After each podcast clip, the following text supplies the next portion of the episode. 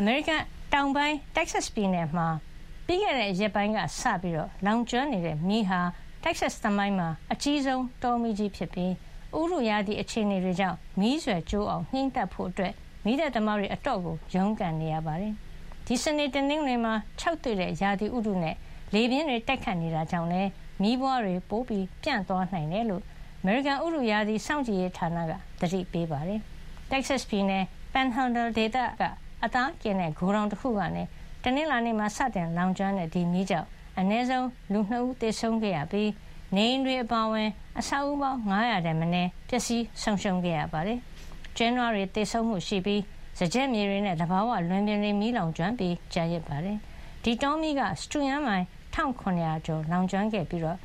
Oklahoma ပြည်နယ်အနောက်ဘက်ခြမ်းနယ်စပ်အထိကူးသွားခဲ့တာပါ။ Texas ပြည်နယ်ထဲမှာသဘာဝဘေးအန္တရာယ်အတွက် အရေးပေါ်တုံ့ပြန်ဆောင်ရွက်ရေးအမိန့်ကို ပြည်နယ်အုပ်ချုပ်ရေးမှူး Greg Abbott က ဖေဖေါ်ဝါရီ ၂၇ ရက်နေ့ကတည်းက ထုတ်ပြန်ထားပါတယ်။